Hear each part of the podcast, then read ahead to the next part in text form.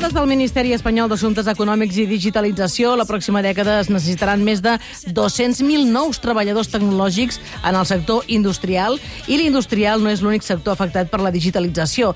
Aquesta és una transformació que ho ha revolucionat tot, també l'equilibri entre oferta i demanda de llocs de treball. Moltes feines estan desapareixent i moltes altres s'estan creant. Per tant, és indiscutible que cal molta nova formació i el Pere Pérez Ninou és, fundació, és fundador és cofundador i CEO de Metacampus. Volia dir que eres divulgador i he fet aquí un mix. Hola, Pere, com estàs? Hola, Mariola, encantat d'estar aquí amb tu. Bé, encantada que hi siguis, no? Perquè vam trobar, en una trobada sobre metavers ens vam trobar i, i, i em vas fer com una classe així ràpida, express, i vaig dir, home, vine 10 minuts al pop-up i ens fas aquí també, ens ajudes a entendre un munt de coses. Um, en un món laboral tan canviant, fruit en gran part de la digitalització, clar, plataformes de formació com Metacampus uh, són més necessàries. Heu vist que hi ha molta gent que us ha vingut a buscar, segurament, últimament.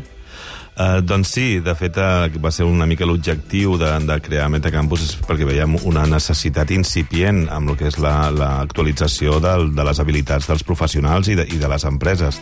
En un món, en una era, diguéssim, exponencial on la tecnologia està evolucionant molt ràpidament i no només són a tecnologia com a gadgets, sinó com a eines de treball de dia a dia i com a nous models de negoci. No? És, és, algo, és una disrupció que no, no hem vist mai. Eh, la combinació de blockchain més intel·ligència artificial automatitza des de la part de generació, diguéssim, dels continguts dels actius a la part de comercialització, no? i tot això eh, ens ho transforma a la part mm. econòmica, identitat, etc. Què et sembla, Pere, si et fem servir per fer una mica de diccionari de la digitalització?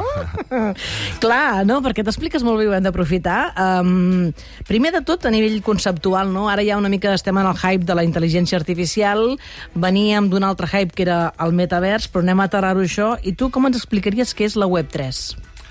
Doncs, um, bàsicament, sí que hi ha molta confusió o molta diferència de, amb la terminologia de què és el metavers, Web3, etc. Uh, bàsicament, nosaltres us resumim el que és el Internet 3.0, el que és l'evolució d'Internet, té tres grans pilars.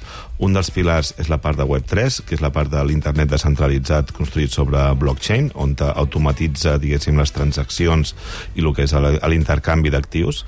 Per altra part, tens el que és el metavers, que és més, diguéssim, la capa, eh, diguéssim, eh, de la interfície, no? que pot ser més immersiva, pot ser menys immersiva, la part social dels avatars, etc.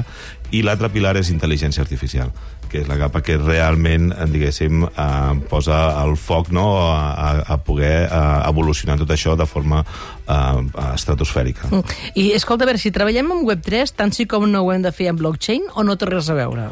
Web3 es construeix sobre blockchain. Són, diguéssim, és les aplicacions que tu pots eh, desenvolupar vale? que estan regides, diguéssim, per blockchains més privades, més públiques, etc.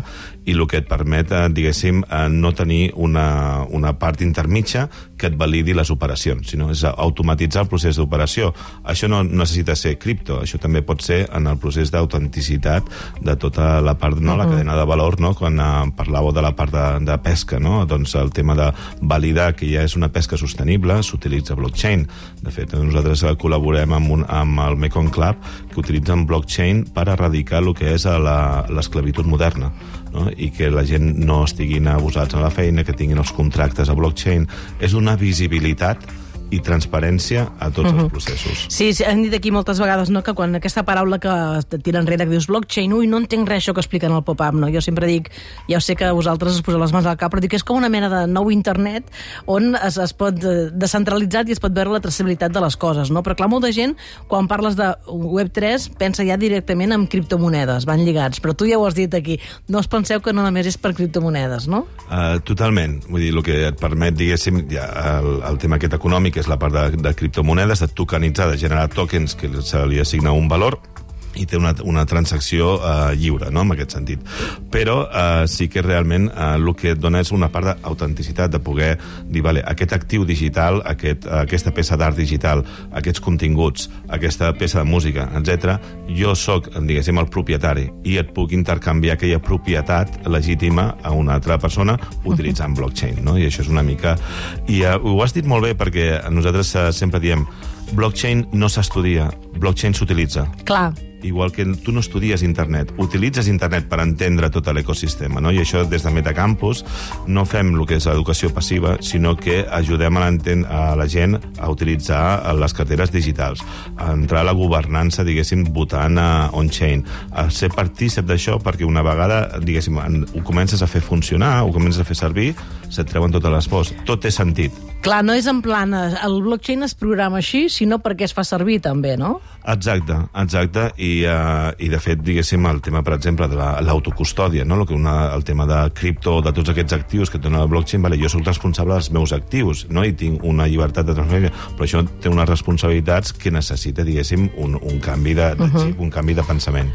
Una de les coses que em va sorprendre, Pere, quan, eh, quan et vaig conèixer i em vas parlar del Metacampus, on s'expliquen totes aquestes coses, és que em vas explicar una mica com la comunitat mundial que està parlant sobre Web3 sobre tokens, um, us organitzeu? Perquè tot, tot és en anglès, no? Hi ha un munt de gent i, i, i parleu entre vosaltres i esteu sempre a la última de totes les notícies, no?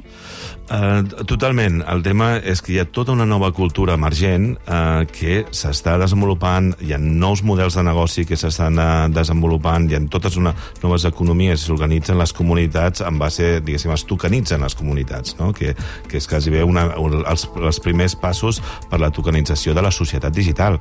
Tot que ens, ens estem anant cap a una societat digital. Ja no és un tema de feina, ja no és un tema com a de ciutadania. No? Inclús eh, s'han ara llançat els, el, el, el primer document del que són els, els drets digitals dels, uh, dels ciutadans perquè arribaran a ser més importants que els drets humans. Mm.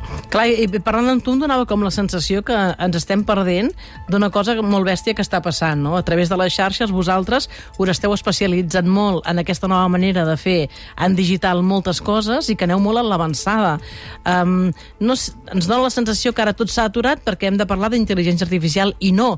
Vosaltres heu continuat en la Web3 i el metavers, no? Uh, totalment. Com et comentava, és un dels tres pilars uh, que uh, facilita l'acceleració de tots aquests uh, nous uh, models i que la gent realment, el que és l'economia del creador, est està canviant radicalment. Vull dir, ara uh, als Estats Units compta que s'està començant a posar de moda una iniciativa que són les startups d'una persona i dius, només amb una persona vale, és capaç de generar una sèrie, diguéssim, de serveis, de productes digitals, etc, crear-los, distribuir-los, comercialitzar-los, eh, tot, eh, diguéssim, mitjançant eh, la part, diguéssim, d'intel·ligència uh -huh. artificial, blockchain i el que és la part de... Has dit moltes vegades token, és que, clar, no sé, per rebaixar i explicar bé què és un token. És, que és, uh, és, és un actiu de valor, és un actiu uh, digital. En el fons, uh, diguéssim, el, uh, un dòlar no deixa de ser un token i és, és fungible perquè tu pots tenir un quart de dòlar o mig dòlar, etc i després un NFT és, és un token, però és un token que és indivisible, que no és fungible, no? dius, vale,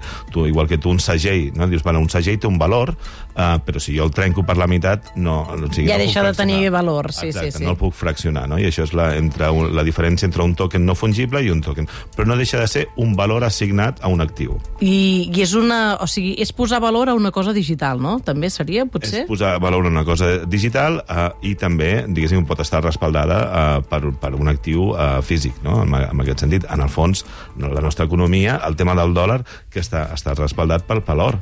Vull dir que és una mica, diguéssim, ja, ja funciona així. El que passa que, um, bueno, diem, l'economia ja era descentralitzada. El tema de l'efectiu, diguéssim, l'efectiu és descentralitzat, perquè no necessites un intermediari perquè tu i jo fem un intercanvi d'efectiu.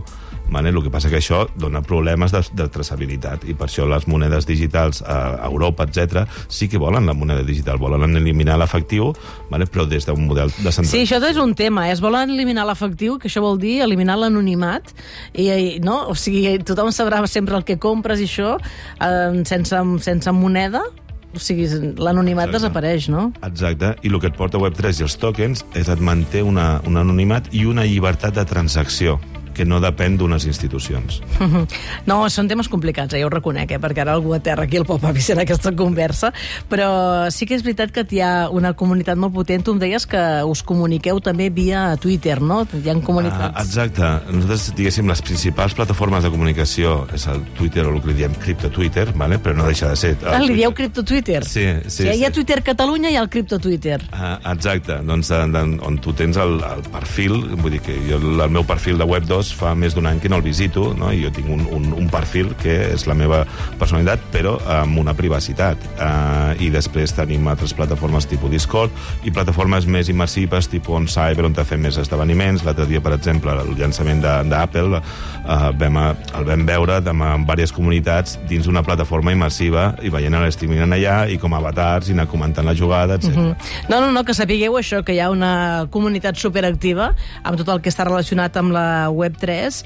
Um, no sé quin país està com més motivat amb això. A veure, uh, Estats Units uh, està uh, bastant la part també d'Àsia, uh, realment més que bé també per la part de videojocs, uh, etc, però hi ha també l'ús uh, de blockchain per, per videojocs eh, també està molt més avançat, inclús la part també d'Austràlia. Aquí uh. -huh. la, la part d'Espanya, Latinoamèrica, inclús certs països d'Europa, de, està encara costa una mica més. Doncs escolta, si voleu aprendre i us ha inspirat aquesta conversa al Metacampus del Pere Pérez Nino, moltíssimes gràcies per la visita. A tu. I anem aprenent a poc a poc, eh? perquè això costa, però a poc a poc en, en anem aprenent.